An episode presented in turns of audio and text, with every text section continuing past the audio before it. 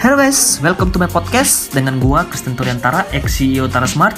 Di podcast gue ini gue akan membahas tentang buku yang gue tulis. Salah satunya yang menarik dari buku ini adalah gue juga membahas tentang 7 kesalahan yang gue buat saat gue menjalankan bisnis sesuai dengan pengalaman gue sendiri tentunya.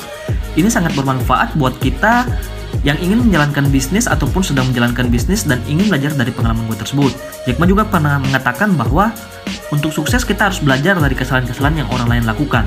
Jangan cuma belajar dari kesuksesannya saja, itu tidak cukup tentunya. Agar saat kita melakukan kesalahan, kita tahu cara untuk deal dengan masalah tersebut. Jadi, pembahasan ini akan gue bagi menjadi beberapa seri. Untuk itu, pastikan diri lu telah mensubscribe podcast ini melalui platform Anchor ataupun Spotify. Are you ready? Let's go!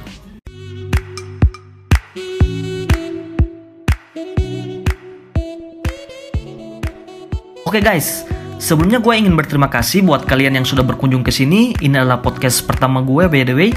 Dan gue yakin lu yang datang ke sini sedang menjalankan bisnis ataupun sedang punya keinginan untuk naik ke level berikutnya sebagai seorang entrepreneur mungkin ya.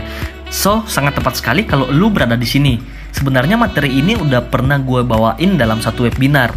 Tapi karena banyak sekali yang inbox dan chat gue dan uh, pengen gue buatin lagi materi ini, bawain lagi materi ini, makanya gue buatin podcastnya sekalian.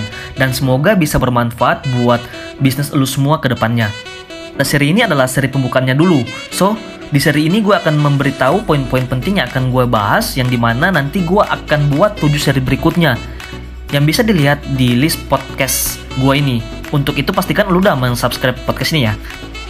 Pembahasan pertama yaitu adalah ketidakmampuan diri sendiri Kemudian yang kedua adalah hubungan antar founder, yang ketiga tidak menguasai industri, yang keempat produk tidak dibutuhkan, yang kelima manajemen cash flow dan keenam tidak fokus, yang terakhir adalah pembagian saham. Nah, itu hanya poin-poin yang akan kita bahas tuntas apa maksudnya dan bagaimana cara menghadapinya dalam podcast berikutnya tentang ketidakmampuan diri sendiri. So, sekali lagi saya ingatkan jangan lupa untuk subscribe podcast ini dan see you in my next podcast. Thank you.